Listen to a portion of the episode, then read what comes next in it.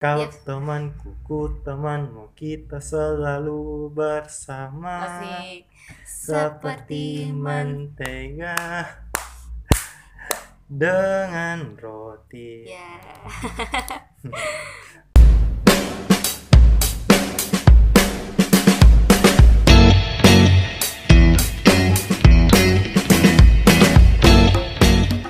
Shalom, selamat pagi, siang, sore, atau bahkan malam sekalipun. Semangat pagi Mau pagi, siang, sore, bahkan malam sekalipun, tapi semangat kita harus tetap semangat. Iya dong, kita harus semangat seperti di pagi hari dan menjalani sepanjang hari. Nah, perkenalkan nama saya Novita Sari. Dan saya Jimmy Nah, pada malam hari ini, sesuai perbincangan kita atau sharing kita pada minggu lalu, di hari Rabu ini podcast PPGT Jemaat Dadi hadir lagi untuk menyapa kita semua. Jadi teman-teman yang rindu mendengarkan sharing firman Tuhan, pada malam hari ini tetap stay dan mendengarkan ya. Nah, sebelum kita berbicara lebih jauh tentang sharing kita pada malam hari ini, saya mau berbincang sama Kak Jimmy. Halo Kak Jimmy. Halo Novi Apa kabarnya hari ini? Luar biasa puji Tuhan Kalau Novi sendiri bagaimana? Puji Tuhan, baik-baik. Nah, Kak Jimmy dalam keadaan pandemi corona ini apa saja yang Kak Jimmy buat selama di rumah? Deh, yang gue bilang Novi, gila masa kurasi toh. Kita cuma bisa bangun, tidur, makan, bangun, tidur, makan itu sudah bikin selama dua bulan. Lama-lama jadi stres mah, gila mas saya. Kalau kau iya, aku bikin. Ya, di rumah Ji kerja tugas dan lain sebagainya. Oh, Nah, dalam masa begini juga kita pasti membutuhkan seorang sahabat atau teman dekat untuk kita ajak berbicara apa saja yang kita buat selama di rumah atau sharing-sharing singkat kepada sahabat kita. Nah, bicara soal sahabat, menurut Kak Jimmy apa sih arti sahabat itu sendiri buat Kak Jimmy? hmm, sahabat, itu tuh kayak lagu gereja. Boleh-boleh? Kau Ya, temanku, ku temanmu, kita selalu bersama. asik. Seperti mentega dengan roti. Ya. Kalau bicara soal sahabat tuh apa nih? Kalau dari sudut pandangku tuh apalagi saya sebagai cowok. Awalnya aku kira tuh sahabat sama jadi teman, bagaimana? Tuh. Iya, betul. Nah, tapi semakin ke sini belajar dari pengalaman yang kita hadapi, mau itu dari kehidupan sehari-hari kita atau dari buku yang kita baca, film yang kita nonton, ternyata beda itu antara sahabat dan teman. Iya. Toh. Contohnya kayak begini, Novi punya 10 teman, Ya. teman kampus toh. Hmm. Saya yakin dan percaya kalau hanya satu dua orang yang Novi percaya untuk Novi ceritakan privasinya Novi, yang anggap Iya. Novi sebagai rahasia. Ah, ah. Pasti Betul, hanya satu dua orang karena Novi percaya bahwa ini orang dapat saya percaya. Nah, Sebagai- ah, ah. teman. Nah, dari sini dapat kita dapat saya simpulkan kalau sahabat atau teman dekat adalah seseorang yang kita percayai untuk menjaga segala sesuatu privasi kita atau rahasia yang kita punya dan kita sangat percaya dia. Kalau Novi sendiri apa? Nah, betul sekali. Kalau menurut saya, sahabat itu ya banyak hal yang misalnya dapat mendengarkan keluh kesah kita, Nah, betul. nah, bersedia juga mendengarkan curhat kita dan Yo. tidak disebarkan kepada orang lain dan mengerti perasaan kita sekalipun tetesan air mata kita. Nah, sebagai sahabat yang baik juga kita tidak menjadi orang yang ingin dimengerti saja. Tentunya kita juga menjadi sahabat yang setia mendengarkan cerita atau curhat sahabat kita. Nah, menurut Kak Jimmy, bagaimana perasaannya kalau misalnya temannya berada di masa-masa yang sulit dan apa yang bisa Kak Jimmy lakukan untuk bisa menenangkannya? Yang pertama pasti sedih dong. Kalau teman tak sulit masa kita ketawa. Iya, betul. Nah, apalagi sahabat kita pasti sangat sedih. Hmm, Terus yang, yang saya perbuat pertama itu saya tahu dulu apa masalah yang dihadapi, mengapa dia sampai jadi sedih. Terus yang kedua, kita carikan solusi bagaimana cara dia menghadapi masalah tersebut. Mau dari memberikan dia motivasi atau memberikan bantuan dalam bentuk materi atau moral. Nah, seperti itu kalau saya. Nah, betul sekali. Namun, menjadi seorang sahabat di masa-masa susah atau sulit bahkan suatu hal yang mudah, mengapa demikian? Ketika seorang sedang berada di masa yang paling terpuruk, sering kali kita mencoba untuk menenangkan sahabat kita. Namun terkadang kita juga bingung mau menenangkan dengan cara seperti apa. Nah, terkadang kita juga takut apa yang kita ucapkan itu salah di mata mereka. Nah, dalam hal ini kita peduli tapi dengan cara yang salah. Tentunya pemilihan kata yang tepat bisa mematahkan semangat teman-teman yang awalnya menghampiri kita untuk mendapatkan penghiburan dan dukungan. Nah, betul sekali. Kata kata saya garis bawahi yang Novi bilang, bisa kita harus memilih kata untuk tidak menyinggung perasaan seseorang. Iya. Nah, teman-teman, Novi, saya punya tips Iya. bagaimana tuh Tips. cara kita memberikan dukungan kepada seseorang tanpa menyinggung, yaitu membangun dan mengkritik, tapi Iya. kita mengkritik dengan halus. Nah, caranya Boleh. itu, Seperti apa itu Nah. caranya Kak Jimmy? saya kasih contoh tuh, misalnya temannya Novi, Iya. diambil jurusan arsitek lah toh Ah. di kampus terus dia punya tugas ini terus tugas gambar dia satu rumah dia periksa di dosennya terus dapat nilai D D. Nah, terus dia curhat sama Novi. Novi dapat nilai D di tugas gambarku. Kalau Novi menjadi teman jelek pasti dia mengatakan ih kamu yang kok tolo toh. Tapi pada saat itu kita mengkritik tapi kita juga menjatuhkan. Nah Iya. cara yang terbaik itu kita memberikan dia dukungan tapi kita juga mengkritik. Caranya itu kalimatnya seperti ini. Sebenarnya gambarmu itu cukup bagus toh. Hmm. Kalau nilai dia itu tidak terlalu jelek aja akan tetapi kamu bisa mendapat nilai yang lebih bagus lagi asalkan gambarmu ini diberi sedikit warna yang lebih cerah di sisi sini sisi Iya. situ toh. Nah seperti itu contohnya. Nah dalam bahasa Inggris juga ada suatu frasa teman-teman bisa pelajari yaitu istilah jobs converter atau dalam bahasa Indonesia biasa disebut penghibur Ayub.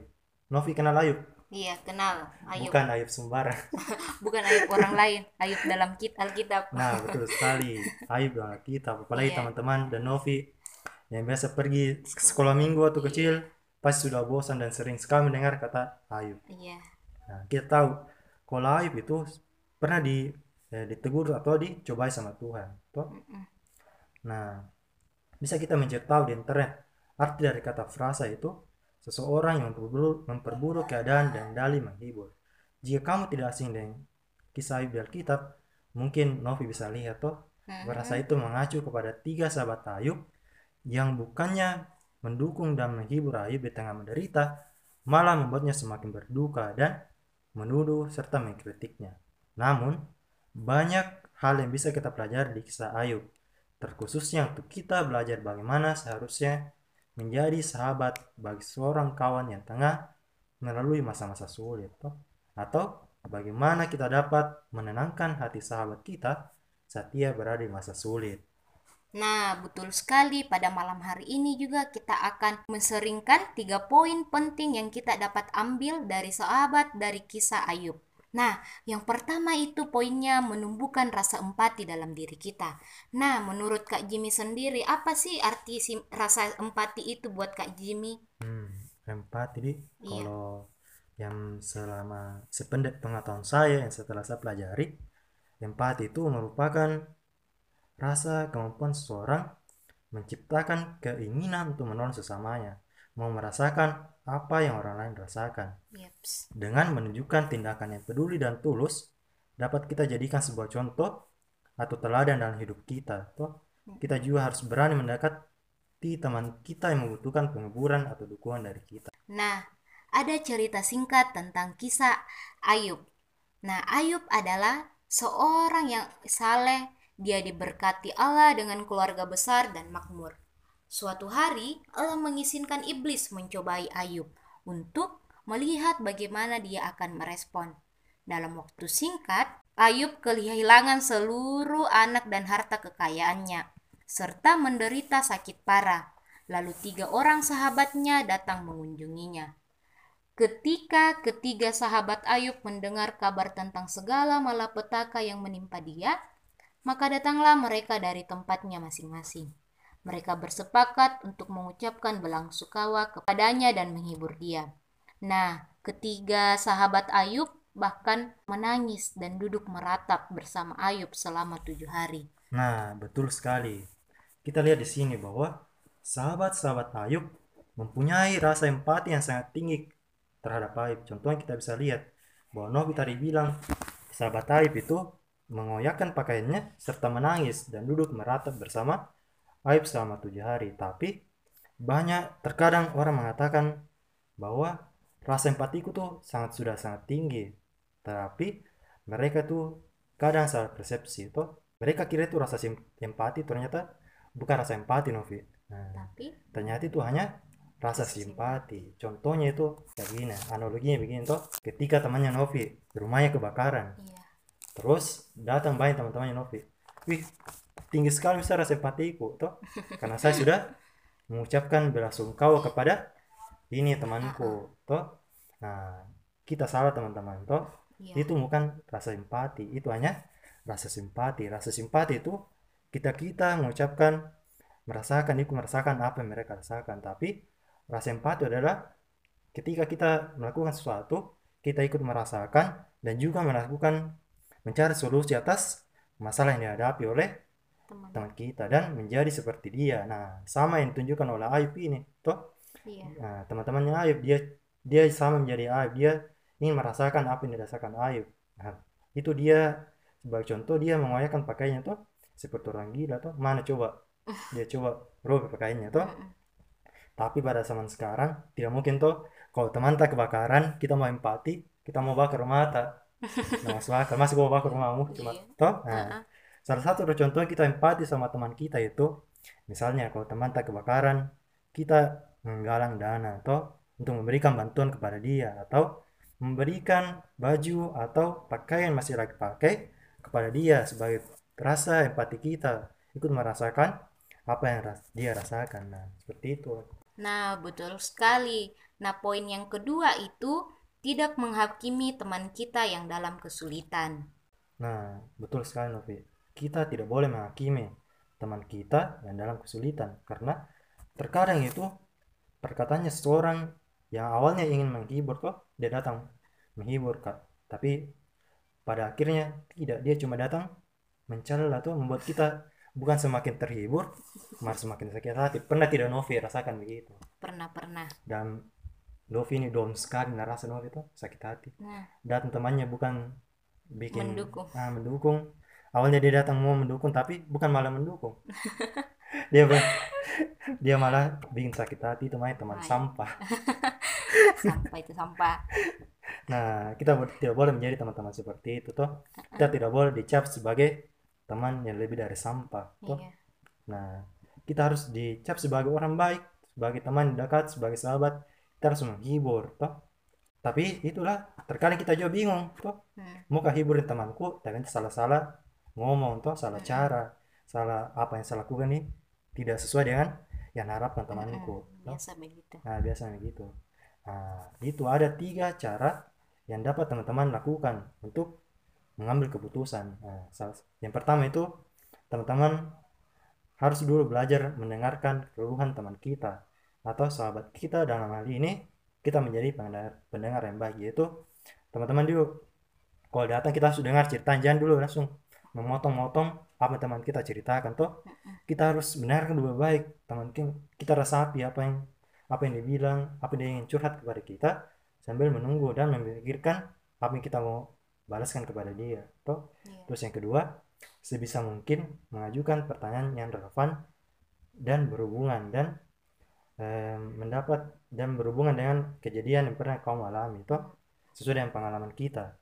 Terus yang ketiga kamu juga juga bisa mencari solusi dalam artian jangan berusaha mengguruinya tetapi sebisa mungkin tawarkan pengalaman sama yang pernah anda lalui untuk membantunya menemukan solusi atas permasalahan yang dia hadapi Nah, tentunya kita perlu berhati-hati dan tidak menghakimi satu sama lain dan menarik kesimpulan sendiri tentang penderitaan yang dialami oleh orang lain. Nah, ini yang biasa terjadi di sekitar kita tuh. Iya.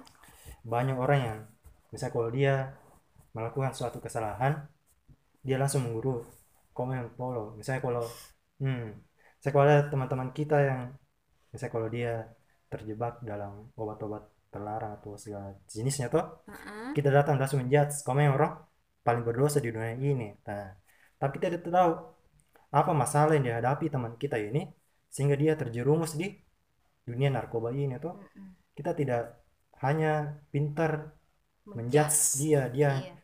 Paling berdosa tapi kita juga harus mencari latar belakangnya sehingga dia menjadi orang seperti ini Nah, seperti itu dia Nah, betul sekali Kak Jimmy. Nah, kita juga akan mendengarkan kisah Ayub.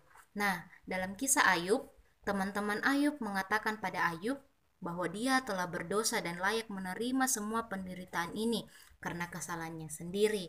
Padahal Alkitab menuliskan bahwa Ayub adalah seorang yang saleh dan jujur. Mereka mengatakan bahwa Ayub lancang, tidak jujur, dan tidak takut akan Allah. Teman-teman Ayub bahkan menuduh Ayub menikmati kejahatannya sendiri, dan anak-anaknya pantas mendapatkan musibah tersebut. Semua perkataan itu bukanlah hal yang perlu Ayub dengar saat itu. Nah, ada satu sahabat Ayub yang bernama Elihu. Nah, sahabat Ayub ini yang keempat tetap berdiam di saat tiga sahabat yang lain saling berargumen. Dia hanya bicara saat yang lain sudah selesai mengemukakan pendapat mereka. Seperti Elihu, kita seharusnya tidak cepat untuk mengutarakan apa yang terpikir di pikiran kita, karena kita bisa saja itu bukanlah hal yang baik dan sungguh diperlukan oleh teman kita. Nah, betul sekali. Ini dicari, toh. Sosok sahabat seperti Elihu, Elihu toh. Yang Novi bilang tadi. Elihu adalah sahabat Ayub yang sering mendengarkan Ayub. Dia tidak hanya menjudge Ayub seorang berdosa seperti ketiga sahabat Ayub yang lain. Dia terlebih dulu mempelajari apa yang sebenarnya terjadi dan memberikan nasihat yang terbaik seperti Ayub. Saya harap teman-teman toh yang mendengar ini bisa menjadi sosok seperti Elihu toh yang baik dan bijak sebagai sahabatnya Ayub. Nah, begitu. Dan jangan menjudge orang lebih Nah, dulu. jangan suka menjudge orang terlebih dahulu tanpa lihat latar belakangnya. Iya, betul sekali teman-teman. Nah, poin yang ketiga itu memberikan motivasi atau semangat. Nah, menurut Kak Jimmy, apa arti motivasi itu? Nah, kalau menurutku tuh motivasi itu adalah salah satu bentuk dorongan di mana kalau saya sedang dalam keadaan susah, teman-temanku datang untuk memberikan saya eh, motivasi kah untuk melewati masa-masa itu, toh. Nah, seperti itu. Namun kita lihat tuh dari keempat sahabat Ayub, Elihu juga satu-satunya yang menawarkan harapan kepada Ayub. Kita lihat teman-teman, tuh. Di sini lihat bahwa Elihu ini adalah sahabat sejati dari Ayub. Elihu mengakui keadaan sulit yang Ayub alami. Kemudian menyampaikan janji pemulihan dan kebaikan Allah. Nah, ia berdoa kepada Allah dan Allah berkenan menerimanya. Ia akan memandang wajahnya dan bersorak-sorai dan Allah mengembalikan kebenaran kepada manusia. Nah, kita bisa lihat ini adalah doa dari Elihu untuk Ayub. Teman-teman bisa baca di Ayub pasal 33 ayat ke-26. Nah, Heliu juga memberitahu Ayub bahwa Allah punya rencana dan dia mengizinkan penderitaan bagi, bagi kebaikan kita. Heliu memberi harapan dan sudut pandang yang positif bagi Ayub. Nah, marilah kita jadi orang yang cepat untuk mendengar atau merangkul, lambat untuk bicara. Paling terutama, janganlah ragu untuk menjangkau, karena meskipun kita tidak sempurna dan sering salah berkata atau bertindak, kita bisa berdoa dan percaya Allah akan memimpin kita dalam tiap interaksi kita dengan teman-teman yang sedang berbeban berat. Nah, pada malam hari ini juga saya akan memberikan motivasi untuk teman-teman dalam dan menguatkan kita melalui firman Tuhan dari Amsal 3 ayat 5 sampai 6. Firman Tuhan berbunyi, "Percayalah kepada Tuhan dengan segenap hatimu dan janganlah bersandar kepada pengertianmu sendiri. Akuilah Dia dalam segala lakumu, maka Ia akan meluruskan jalanmu." Nah, saya juga ingin memberikan satu ayat yang bisa teman-teman jadikan motivasi. Yaitu terambil dari Yesaya 40 ayat 29 sampai 31 yang berbunyi, Dia memberi kekuatan kedua kepada yang lelah dan menambah semangat kepada yang tiada berdaya. Orang-orang muda menjadi lelah dan lesu dan teruna-teruna tersandung. Tetapi orang yang menanti-nantikan Tuhan mendapat kekuatan baru. Mereka seumpama raja wali yang naik terbang dengan kekuatan sayapnya. Mereka berlari dan tidak menjadi lesu. Mereka berjalan dan tidak menjadi lelah. Amin. Nah, terima kasih teman-teman untuk pada malam hari ini. Kita juga dapat belajar dari sharing kita. Bagaimana sikap atau cara kita untuk menenangkan orang lain? Tentunya dengan beberapa poin yaitu yang pertama menumbuhkan rasa empati dalam diri kita. Yang kedua tidak menghakimi. Dan yang ketiga memberikan motivasi atau semangat. Nah kiranya kita dapat menjadi berkat bagi orang orang-orang di sekitar kita di saat mereka sungguh membutuhkan penguatan dan penghiburan. Nah, Rabu depan akan ada lagi podcast terbaru dari PPGT Jemaat Dadi. Jangan sampai ketinggalan ya. Stay safe. Stay health. Dan tetap di rumah aja. Tuhan Yesus memberkati. Shalom. Dan semangat pagi. Dadah semuanya. semuanya.